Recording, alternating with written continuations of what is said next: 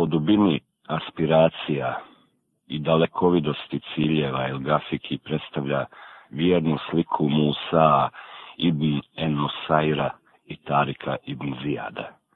Ovo je priča o Abdurrahmanu El Gafikiju.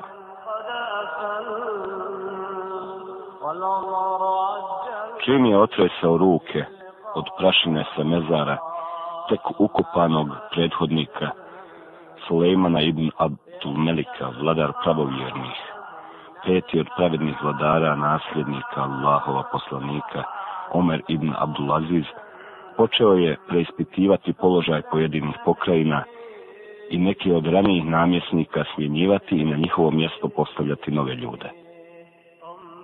Jedan od prvih namjesnika koje je on postavio bio je Esemh ibn Malik el Havlani, njemu je bila povjerena uprava nad tek osvojenom Andaluzijom sa brojnim gradovima od koji su neki do tada pripadali Francuskoj.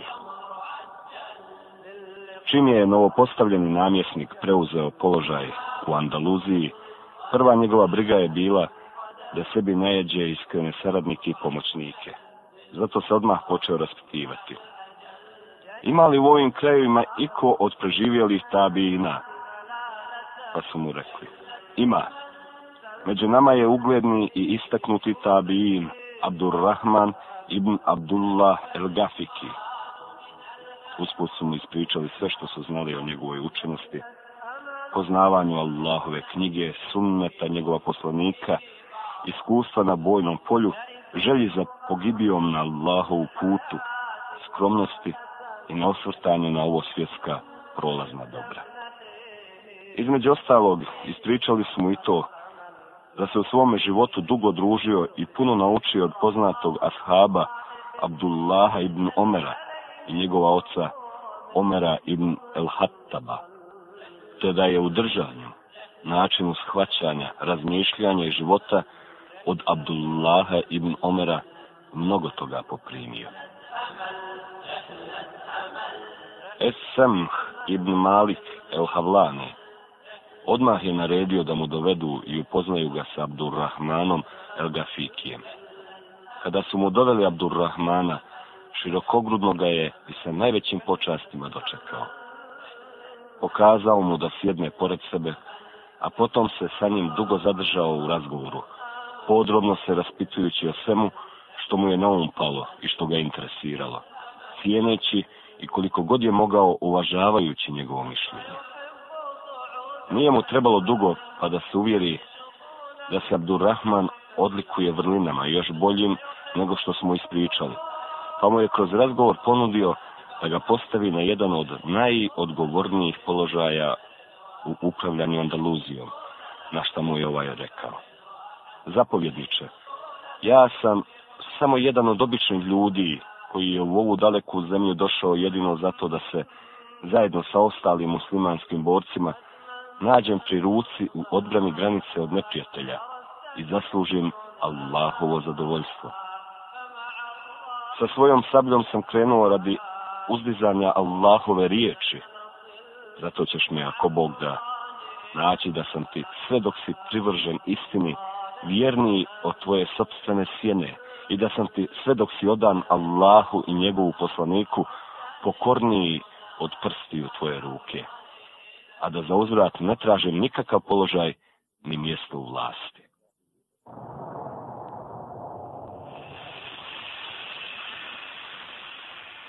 Esemh ibn Malik El Havlani ubrzo je poduzeo odlučne korake u borbi protiv Francuske i njenom pripajanju u veliko islamsko carstvo.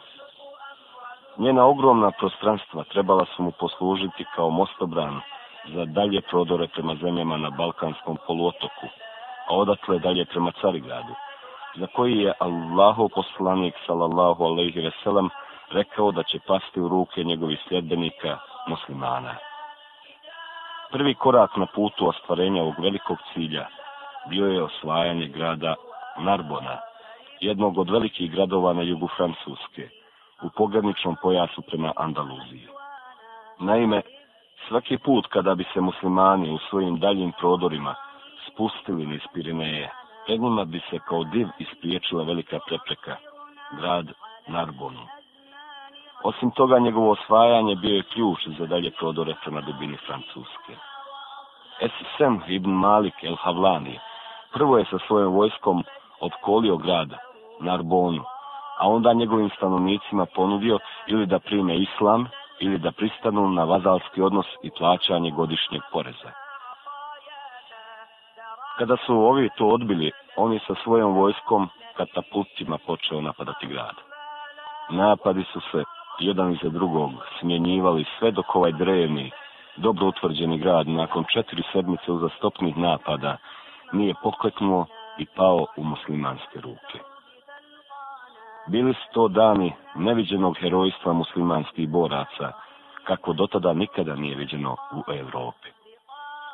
Nakon toga ovaj slavni vojskovođa sa svojom pobjedonosnom vojskom krenuo je prema gradu Tuluzu, prijestolnici provincije Akvitanije, sa svih ga strana opkolio, oko njega postavio katapulte i iz njih ga počeo zasipati snažnom vatrom. Kada je i ovaj utvrđeni grad bio na rubu pada, u muslimanske ruke. Desilo se nešto što niko nije očekivao. Čujmo šta o tome kaže poznati francuski orientalista Renault. On kaže, i dok su muslimani bili na dohvat pobjede, a kretanski vojvoda slao je svoje izaslanike vladarima i kraljevima širom Evrope, preklinjući ih za pomoć pred opasnošću od muslimana koji prijete da će okupirati njihove zemlje i u roblje odvesti njihove žene i djecu. Na njegove alarmantne pozive za pomoć odazvali su se narodi gotovo svih evropskih zemalja i poslali mu pomoć u ljudstvu i opremu. Tako da je pod svoju komandu okupio do tada neviđenu vojnu silu, pod čijim stopama se digla tolika prašina da je zasinula sunce iznad korita rijeke Rone. Kada su se dvije vojske sukobile, činilo se da su se dvije planine navalile jedna na drugu. Bitka je bila žestoka i dugotrajna, kakvu do tada nikada historija nije zabilježila. Es Semuh, ili Dama, kako smo ga mi zvali, neočekivano se širom poprišta bitke pojavljivao sa svojim vojnicima i našoj vojsci ulijevao strah i trepet. I dok se tako ispred naših vojnika poigravao, iznenada ga je pogodila strijela i pao je sa konja. Vidješi kako je njihov vojskovođa pogođen strijelom, ostao da leži na zemlji. Među muslimanskim vojnicima je zavladala pometnja i oslabili su njihovi redovi, pa se naša vojska na njih okomila. I kada je izgledalo da je naša vojska u prilici da ih do posljednjeg istrijebi, samo Božija volja im je mogla podariti takvog genijalnog zapovjednika kao što je bio Abdur Rahman al-Gafiki, koji je vještom taktikom i uz minimalne gubitke uspio sa svojom vojskom povući se prema Španiji, odakle će nedugo potom protiv nas ponovo pokrenuti žestoke napade. Šta više reći nego upitati. Jesi li vidio kako se u mračnoj noći iznenada pojavio pun mjesec i obasjao staze za lutovim putnicima? Možeš li zamisliti kakvu je ulogu u bici kod Tuluza među muslimanskim borcima odigrao ovaj nesvakidašnji heroj Islama, Abdulrahman ibn Abdullah el Gafiki? Jesi li vidio kako je pred žednim putnicima kroz pustinju ostalim bez kapi vode odjednom, kada su najmanje očekivali ispod nogu, provrio bistri i nepresušeni studenac. I kako su se na njemu napili gutljajima koji su im povratili život nakon što su bili na rubu propasti. Upravo tako muslimanskim borcima došao je kao spas novi zapovjednik kome su dali zakletu na vjernost i poslušnost. Bitka kod Tuluza bez sumnje je bila prva duboka rana koju su muslimani od kako su stupili na tlo Evrope zadobili. Isto tako nema sumnje da je Abdurrahman el-Gafiki bio najbolji mehlem za tu duboku ranu, brižljiva ruka koja ju je njegovala i veliko srce koje je ulijevalo snagu i hrabrost da zadobijene rana za cijeli. Vijesti o velikom neuspjehu koji su muslimani doživjeli u Francuskoj zabrinule su muslimanske zapovjednike na dvoru halife u Damasku. S druge strane, vijesti o herojskoj pogibiji neustrašivo komandanta islamske vojske Esemha ibn Malika el Havlanije – još je više pojačala želju za borbom protiv neprijatelja i potpirila plemeno svete. U tom smislu, sa halifna dvora odaslana su poruke vojnicima da se stave pod komandu i daju zakletvu na vjernost Abdurrahmanu el Gafikiju, po čiju je upravo stavljena cijela Andaluzija, zajedno sa novoosvojenim oblastima na jugu Francuske. Na taj način date su mu odriješene ruke i puna sloboda izbora preduzimanja daljnjih koraka sve u svemu, El Gafić je bez ikakve sumnje bio odlučan, hrabar, bogobojazan, čestit, mudar i neustrašiv čovjek, dostojan da na sebe preuzme povjerenu ulogu.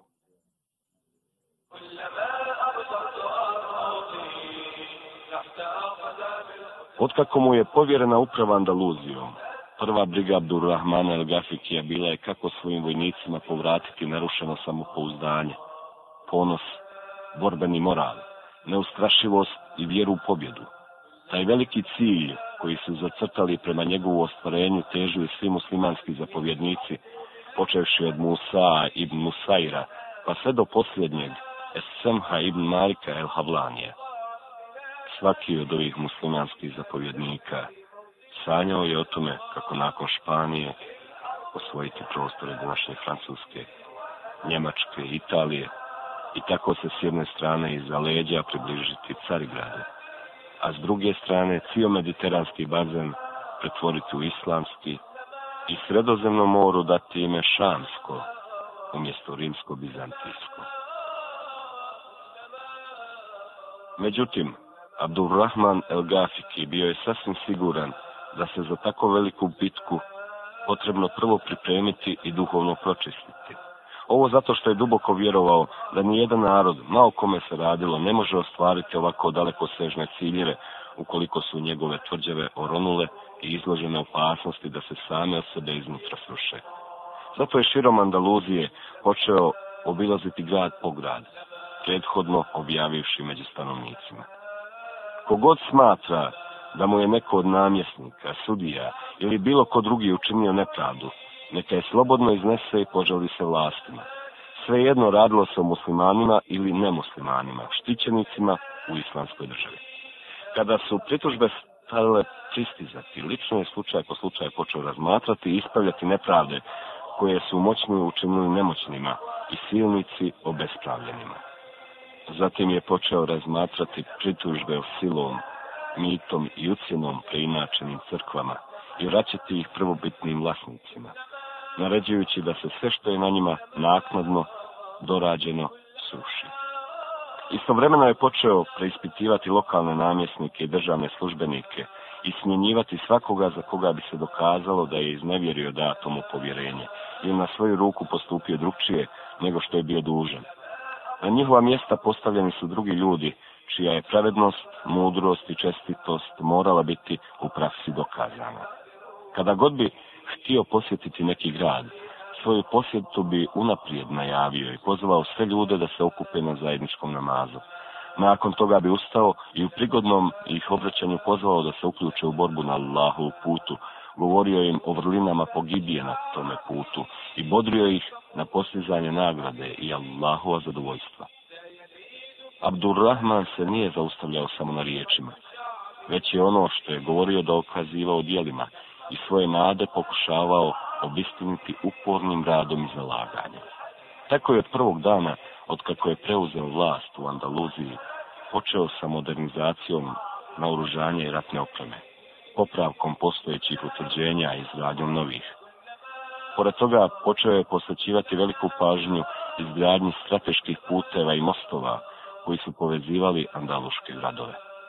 Tako je u Kordobi, prijestolnici Andaluzije, za potrebe naroda i vojske preko velike rijeke Guadalquir sagradio nedaleko čuveni most, koji se ubraja u jednom svjetskih čuda. Njegova dužina iznosi 800, visina 60, a širina 20 aršina. Ima 18 lukova i 19 kula. Ovaj monumentalni spomenik, koji je kao biser islamske arhitekture naslijedila današnja Španija, sačuvan je sve do danas. Abdurrahman el-Gafik imao je običaj da se u svakom gradu u koji bi došao sastane i posavjetuje sa vojnim zapovjednicima i uglednim ljudima i da čuje njihovo mišljenje. Sve što bi oni rekli i predložili, brižljivo bi zabilježio i uzeo u razmatranje prije nego što bi donio konačnu odluku. Tokom tih sastanaka gledao je da što manje govori, a što više čuje mišljenje drugih. I ne samo to kao što se Abdulrahman al-Gafiki sastajao i savjetovao sa prvacima i uglednim muslimanima, sastajao se i sa predstavnicima nemuslimana, zimija, koji su u islamskoj zemlji uživali zaštitu. Tokom tih sastanaka, kako bi saznao ono što na drugi način nije mogao saznati, često se lično raspitivao o njihovom položaju, svakodnevnom životu, njihovom odnosu sa okolnim kršćanskim vladarima i njihovim vojskovođama. Tako je jednom prilikom nekoga od uglednih kršćanskih podanika iz dijela Francuske, koji je bio pod njegovom vlašću, nakon dugog razgovora brojnim pitanjima upitao. Šta se to dešava sa vašim kraljem Karlom, koji niti hoće stati na našu stranu i pomoći nam u ratu sa okolnim vladarima, niti hoće pomoći njih u ratu protiv nas? Pa moj ovaj odgovorio. Vladaru, vi prema nama ispunjavate sve obaveze ugovora o miru koje ste sa nama zaključili. Zato smo dužni istinu ti reći što god da nas upitaš. Vaš vrhovni vojni zapovjednik Musa ibn Sair prvo je čvrsto po svoju kontrolu stavio cijelu Andaluziju, a onda sa osvajačkim pohodima krenuo dalje i zauzeo lance Pirineja, koji razdvajaju Andaluziju od naše lijepe zemlje. Tada su se vladari okolnih provincija i njihovi crkveni oci počeli obraćati našem kralju govoreći. Vaše veličanstvo, što se ovo dešava? Kakva je ovo sramota koja nas pogađa? Kakvo je ovo poniženje po naše potomke?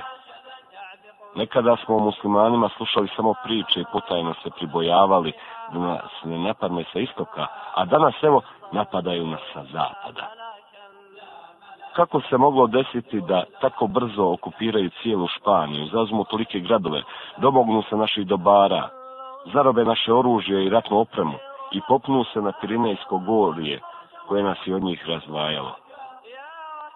Kako se to moglo desiti kada znamo da su brojčano malobrojni i od nas slabije naoružani? Kako se to moglo desiti kada znamo da ih većina nema ni valjana oklopa koji bi ih zaštitio od udaraca naših mačeva, niti konja kojim bi izašli na bojno polje. Na to im je naš kraj odgovorio. Znajte da sam ja o tome dugo razmišljao i u razmišljanju o tome mnoge nesane noći proveo. Znajte da sam na kraju došao do zaključka da nam se je u ovom njihovom naletu uzalud suprostavljati. Znajte da su oni danas poput nadošle bujice koja pred sobom sve ruši, čupa i nosi. Nakon dugog razmišljanja, zaključio sam da imaju dvije izuzetno vrijedne stvari. Duboku vjeru i čvrstu odlučnost da dođu do cilja. Kada imaju te dvije stvari, nije im potrebno ni mnoštvo u broju, ni obilje u ratnoj opremi. Oni imaju čvrstu vjeru i odanost istini, što im nadoknađuje nedostatak u oklopima i konjima za borbu. Ali sačekajte malo, dok se ne zasite, dok sve ruke ne napune ratnim plijenom, dok ne podignu vile i kule i dok se umjesto u borbi među sobom ne počnu natjecati u vlast i bogatstvo. A kada to dočekate i sa malo truda i žrtava, uspjećete ih lahko pobjediti. Čuši to, Abdul Rahman al Gafik je samo tužno i duboko uzdahnuo i prekinuši dalje razgovor rekao. Ustanimo i pripremimo se uskoro će vrijeme za namaz.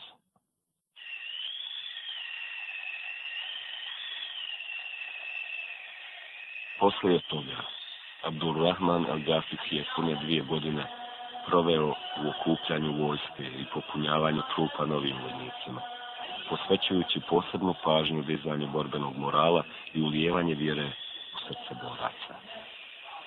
U tome je zatražio pomoć i od svoga kolege sa druge strane sredozemlja, namjesnika Efekije, zamolivši ga da mu pošalje samo one vojnike dobrovoljce koji izgaraju užaj za borbom na Allahu putu, neodoljivo uzvišu za žrtvovanje sobstvenog života na njemu. Abdurrahman je potom svome zapovjedniku za pogranične oblasti prema neprijatelju Osmanu ibn Ebu Nusau naredio da neprijatelja počne zavaravati pograničnim čarkama, dok on na čelu glavnine vojske ne pristigne. Međutim, pomenuti Osman potajno je krio prezir prema svakom namjesniku koji se zanosio daleko sežnim planovima i krupnim koracima, bojeći se da u narodu ne zadobije preveliki ugled i poštovanje, što bi mu dalo odriješene ruke da njega i njemu slične zapovjednike kad god zaželi može smijeniti sa položaja.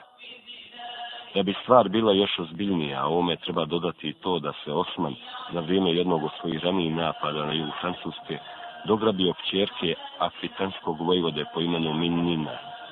Pomenuta Minina bila je lijepa djevojka u cvijetu svoje mladosti. Pored svoje ljepote i plemičkog porijekla, Minina se odlikovala i svim ostalim, što je krasilo djevojke sa Čajevskog dvora. U takvu djevojku Osma se žestoko zaljubio, pa je kod njega počela uživati tako visok položaj i utjecaj kakav nije uživala ni jedna druga žena ona je to znalačke iskoristila, nagovorevši Osmana da sa njenim ocem potpiše ugovor o prijateljstvu i nenapadanju. U tome ugovoru Osman mu je obećao da muslimani njegovo vojvodstvo iz pograničnih utvrđenja s andaluške strane neće napadati. Abdurrahmanova naredba da napadne teritoriji svoga punca, akvitanskog vojvode, Osmana je dovela u nezgodan položaj, da nije znao šta da radi. Na koncu odlučio se svome pretpostavljenom andalužanskom namjesniku El Gafikiju poslati pismo u kome ga je zamolio da još jednom razmislio svoje naredbi, jer on ne može napasti akvitansko vojvodstvo prije isteka roka prekršivši ugovor o nenapadanju koji je sa vojvodom potpisao. Osmanov odgovor razbjesnio je Abdur Rahmana El Gafikija, pa mu je s mjesta poslao drugo pismo u kome je stajalo. Ugovor o nenapadanju koji si ti na svoju ruku i bez znanja svoga emira potpisao. Tvoga emira i muslimansku vojsku ni na što ne obavezuje. Zato odmah, bez ikakva kolebanja i dvoumljenja, izvrši ono što sam ti naredio. Vidjevši da svoga emira ne može odvratiti od izvršenja onoga što je naumio, Osman ibn Ubu Nusa odlučio se da tajno pošalje svoga izaslanika i preko njega svoga punca upozori na ono što se protiv njega sprema, savjetujući mu da bude na oprezu. Međutim, Abdul Rahmanove uhode u stopu su pratile Osmanove tajne kontakte sa neprijateljem i o tome blagovremeno izvještavale svoga emira. Čim je saznao za Osmanove namjere, Abdul Rahman El Gafiki je formirao jednu četu sastavljenu od povjedivih i hrabrih ljudi, komandu nad njom povjerio jednom od svojih najiskusnijih i najodanijih boraca i naredio mu da Osmana ibn Ebu Musau odmah uhvate i živa ili mrtva mu ga dovedu. Spomenuta četa iznena da je bahnula u logor u kome se nalazi Osman ibn Ebu Musa, koji je u posljednjem momentu naslutio što mu se sprema i sa nekoliko najbližih prijatelja uspio umaći i skloniti se u brda. Sa sobom je poveo i svoju prelijepu ženu Mininu, od koje se od kako ju je upoznao, ni trena nije odvajao, niti bez nje na bijeli dan iznosio. Četa se dala u potjeru za njim i opkolila ga, zajedno sa ženom i prijateljima. Osma se grčevito borio i svoju ženu kao što lavica brani svoje mlade obranio, sve dok braneći je, sam nije poginuo. Kada je mrtav pao na zemlju, na njegovu tijelu pronašli su bezbroj udaraca sabljom i uboda kopljem vojnici su mu mrtvu odsjekli glavu i zajedno sa prelijepom princezom odnijeli je na noge Abdurrahmanu El Gafikiju, koji je, vidjevši koliko je princeza lijepa, od stida oborio glavu i zakrenuo se u stranu. Potom je naredio da se kao robinja pošalje na dvor Hilafeta u Damasku, gdje je prelijepa princeza završila kao haremska robinja. Kada je akvitanski vojvoda čuo za užasavajuće vijeste o pogibiji svoga zeta Osmana ibn Ebu Nusaa, a ubrzo potom i o nesretnom kraju svoje prelijepe kćerke Minine, bilo mu je posve jasno da je došlo vrijeme za rat i da svakoga časa koliko je još večeras ili ujutro, lav Islama, Abdurrahman el Gafiki može napasti njegovu zemlju. Znajući za sve što se desilo i šta mu se sprema, akvitanski vojvoda se odlučio da po svaku cijenu brani svaki pedalj svoje zemlje i ubrzano se počeo pripremati za odbranu života i vojvodstva. Ovo zato što je se bojao da i on poput svoje kćerke ne padne u ropstvo i kao zarobljenik ne bude poslan na dvor Hilafeta u Damasku ili da se njegova glava kao i španskog kralja Rodrika prije njega ne nađe na tanjiru s kojim će se prolaziti damaškim ulicama i svijetu pokazivati.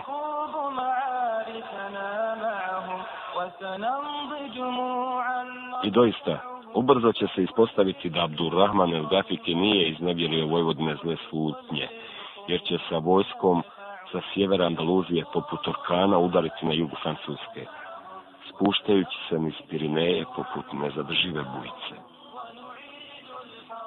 Njegova vojska je brojala stotinu hiljada prekaljenih boraca – U svakom od njih kucalo je lavovsko hrabro srce, a žilama tekla neobuzdana odlučnost da se ide do pobjede. Muslimanska vojska prvo se uputila prema gradu Arlesu na obalama rijeke Rone. Sa ovim gradom odranije je imao neobavljene račune. Naime, sa njim je ranije bio potpisao ugovor o primirju i nenapadanju uz obavezu da zato muslimanima isplaćuju godišnji porez. Međutim, kada su muslimani nakon Esem ibn Malikove el Hajlanijeve pogibije u bici kod Tuluza oslabili, stanovnici Rone su otkazali svoj vazalni odnos prema muslimanima, prekršili ugovor o primiriju i odbili da nastave plaćati godišnji porez. Kada je Abdurrahman el Gafiki stigao na domak grada, vidio je da je akvitanski vojvoda Eudes mobilizirao sve snage, pojačao odbranu zidina grada i po pograničnim utvrđenjima rasporedio svoju vojsku u namjeri da se suprostavi muslimanskom napredovanju. Dvije vojske su se ubrzo jedna prema drugoj našle prsa u prsa, između njih je došlo do šestoke bitke. Abdul Rahman El Gafiki je u prve redove svojih četa isturio najhrabrije borce, koji su više čeznuli za pogibijom nego njihov neprijatelj za živom glavom. Oni su brzo uzdrmali neprijatelja, natirali u bijegu njegove redove i ovaj put kao pobjednici ušli u grad. Zbog prethodne izdaje i prekršenog ugovora, mnogi stanovnici su bili sasječeni sabljom, a njihov imetak zaprinjen. Vojvoda Eudes sa ostatkom vojske u posljednjem trenutku uspio je spasiti živu glavu i dati se u bijeg. Znajući da je bitka kod Rone bila samo početak, a ne kraj sukoba, Eudes je ponovo počeo kupljati razbijenu vojsku i od okolnih vladara tražiti pomoć kako bi se suprostavio muslimanskom nadiranju. Abdul Rahman el Gafiki je potom prešao preko rijeke Garone i sa svojom pobjedonosnom vojskom uzduži poprijeko počeo se širiti Afitanijom, gdje su pod kopitama njegove konjice kao suho jesenje lišće sa drveće na jakom vjetru jedan sa drugim padali gradovi. Muslimanski ratni plijen iz dana u dan sve se više gomilao, tako da ga se nagomilalo toliko kao nikada do tada. Akvitanski vojvoda pokušao se još jednom suprostaviti muslimanima u njihovom nezadrživom nadiranju, pa su se dvije vojske žestoko sukobile. I iz ove bitke muslimani su izašli kao pobjednici, nanijevši vojvodi težak poraz, tokom koga su ga do nogu potukli, a vojsku mu ili pobili, ili zarobili, ili ubijeg natjerali. Odatle su se muslimani uputili dalje i na Juriš zauzeli grad Bordeaux, prijestolnicu Akvitanije i jedan od najvećih gradova na tlu cijele tadašnje Francuske. Bitka za Bordeaux ništa nije bila lakša od prethodnih, jer su se i napadači i branitelji grčevito borili, gdje su jedni i drugi nevjerovatne podvige pravili. Međutim, i ovaj veliki grad ubrzo je, kao i ostali prije njega, pao u ruke muslimana, a njegov zapovjednik zajedno sa mnogim braniteljima poginuo. Muslimani su se u Bordovu dograbili tako bogatog plijena da je sve što su ranije bili zarobili u njihovim očima izgledalo beznačajno. Pad Bordova u muslimanske ruke otvorio je vrata padu mnogih drugih gradova kao što su Lyon, Besançon i Sens. Ovaj posljednji bio je samo stotinu kilometara udaljen od Pariza.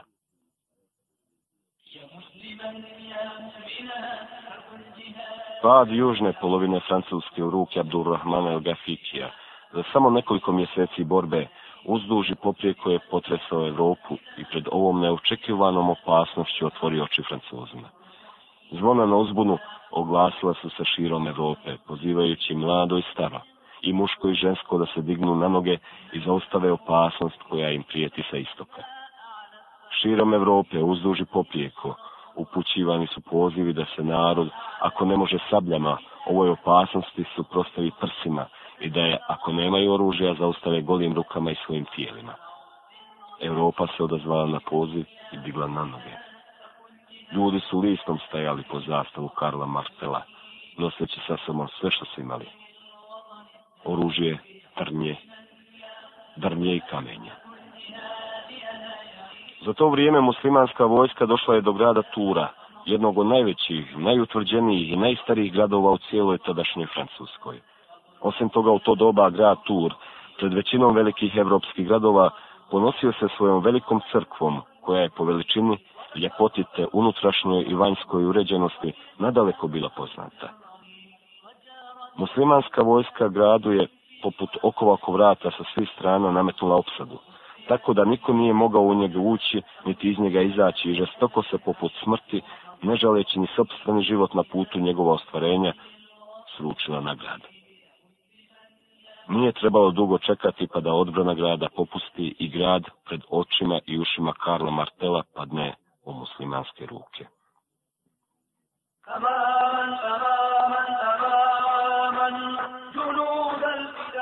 Kraje mjeseca Šabana, 1400. 104. godine po Hidžre, Abdulrahman el-Gafiki sa svojom moćnom vojskom krenuo je na grad Poatije i sukobio se sa evropskom vojskom okupljenom pod komandom Karla Martela. Tu će između dvije vojske doći do jedne od najsudbonosnijih bitaka u historiji. Ne samo između muslimana i evropljana, nego i u cijeloj povijesti ljudskog roda uopće. Među muslimanima poznato je kao Balatus Suheda. Heda pločnik šehida. A na zapadu kao bitka kod Poatija. Abdurrahman el-Gafiki i odranije je na ovo nepregledno bogatstvo i nagomilani ratni plijen gledao sa podozrenjem i zabrinutošću, bojeći se da se ono jednog dana ne okrene protiv muslimanskih boraca. Više nego ičega bojao se da ovo bogatstvo kada se nađe prsa u prsa sa neprijateljem ne zaslijepi njihova srca u momentu straha ne poljulja njihov borbeni moral i da jednim okom ne počne gledati na neprijatelja, a drugim šta će biti sa tolikim ratnim plijenom. Znajući zato, Abdurrahman se bavio mišlju da svojim vojnicima naredi da se sami odreknu ratnog plijena. Međutim, bojao se da ih to ne pokoleba, da im u srcu ne posije klicu nezadovoljstva i da ne pristanu odreći se ratnog plijena o kome su koliko jučer mogli samo sanjati. Na kraju nije vidio boljeg rješenja nego da sav dotadašnji ratni plijen sakupi i prije borbe iza sebe ostave u logoru.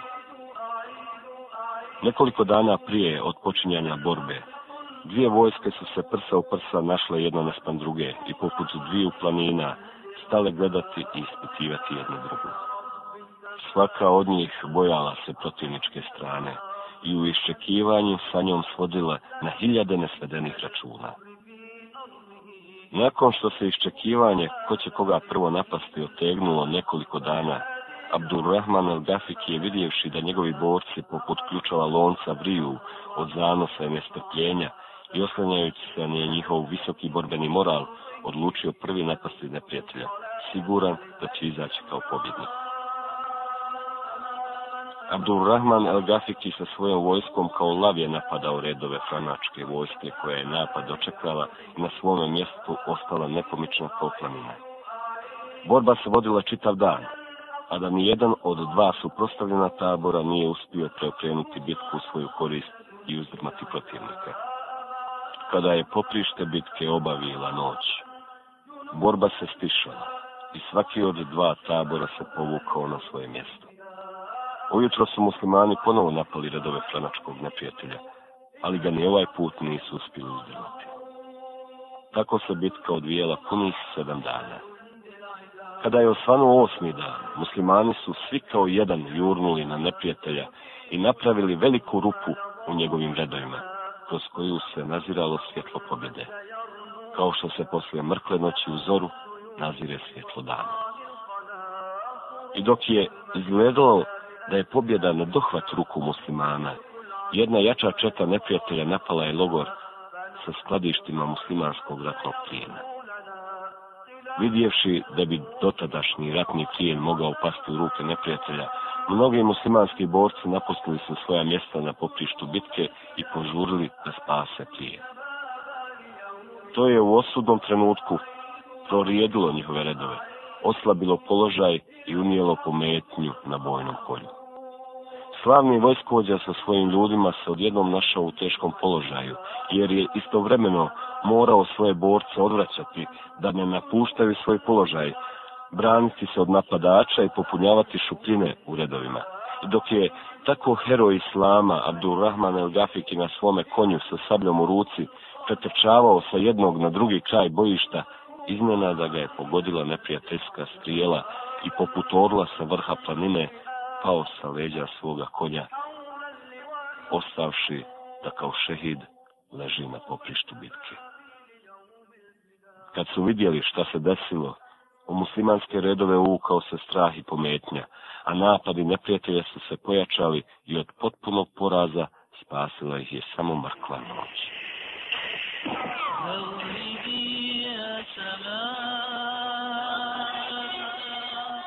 Kada se ujutro razdanilo, Karl Martel je vidio da su se muslimani pod okrijem noći ispod Poatija povukli.